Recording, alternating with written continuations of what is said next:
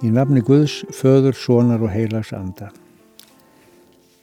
Heyrum orður fyrra Pétursbrefi, 5. kapitúla, þar sem fjallaður á nöðsin auðmíktar og varkálni gegn því illa í veröldinni.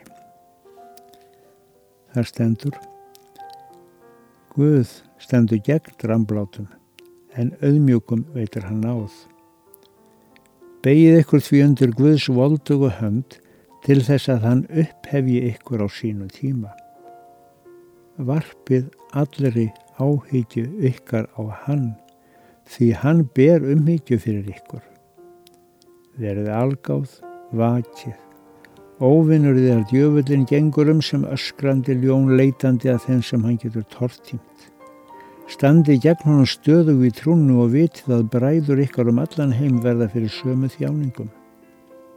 En ef þið hafið þjáðst um lítinn tíma, mun Guð sem veitir allan áð og hefur í Kristi kallað ykkur til sennar eilvið dýrðar, sjálfur fullkomna ykkur, styrkja og gera ykkur öflug. Hans er mátturunum aldir alda. Amen.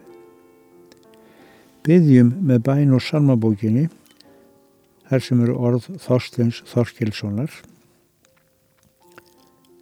Ég fell í auðmygt flatur niður á fótskor þína drottin minn með hjarta blugt og heitt þig byður um hjálp og náð og kraftin þinn að segra hverja synd og neyð er særir mig um æfiskeið. Á hjarta mínu sárin svella, er synd og mæða þung mér bjó. Þú veist hver margt vil huguminn rella og helgri svifta von og ró. Og snert þú mína auðmu hönd með elsku ríkri föður hönd. Mér sendu hjálp af himni þínum og helga láttu anda þinn með Guðdóms varma vekja sínum hinn veika trúar neista minn og helga þannig hug og sál að hegðun lofið þig og mál. Það kennðu okkur drottin að berjast gegn frestingum og allir því sem vil hafa áhrif á okkur, trú okkar og breytni. Blessa þó land okkar og þjóð heimilu okkar og það fólk sem við umgöngumst. Þáks ég þér fyrir að við megum varpa allri áhyggja þig vitandi að þú myndu vel fyrir sjá. Blessa þau öll sem við sjúkdóma stríða, þau sem bugast undan álægi lífsins. Leif þeim að finna að þú stendur með þeim sem í einlegni leita hjálpar þinnar.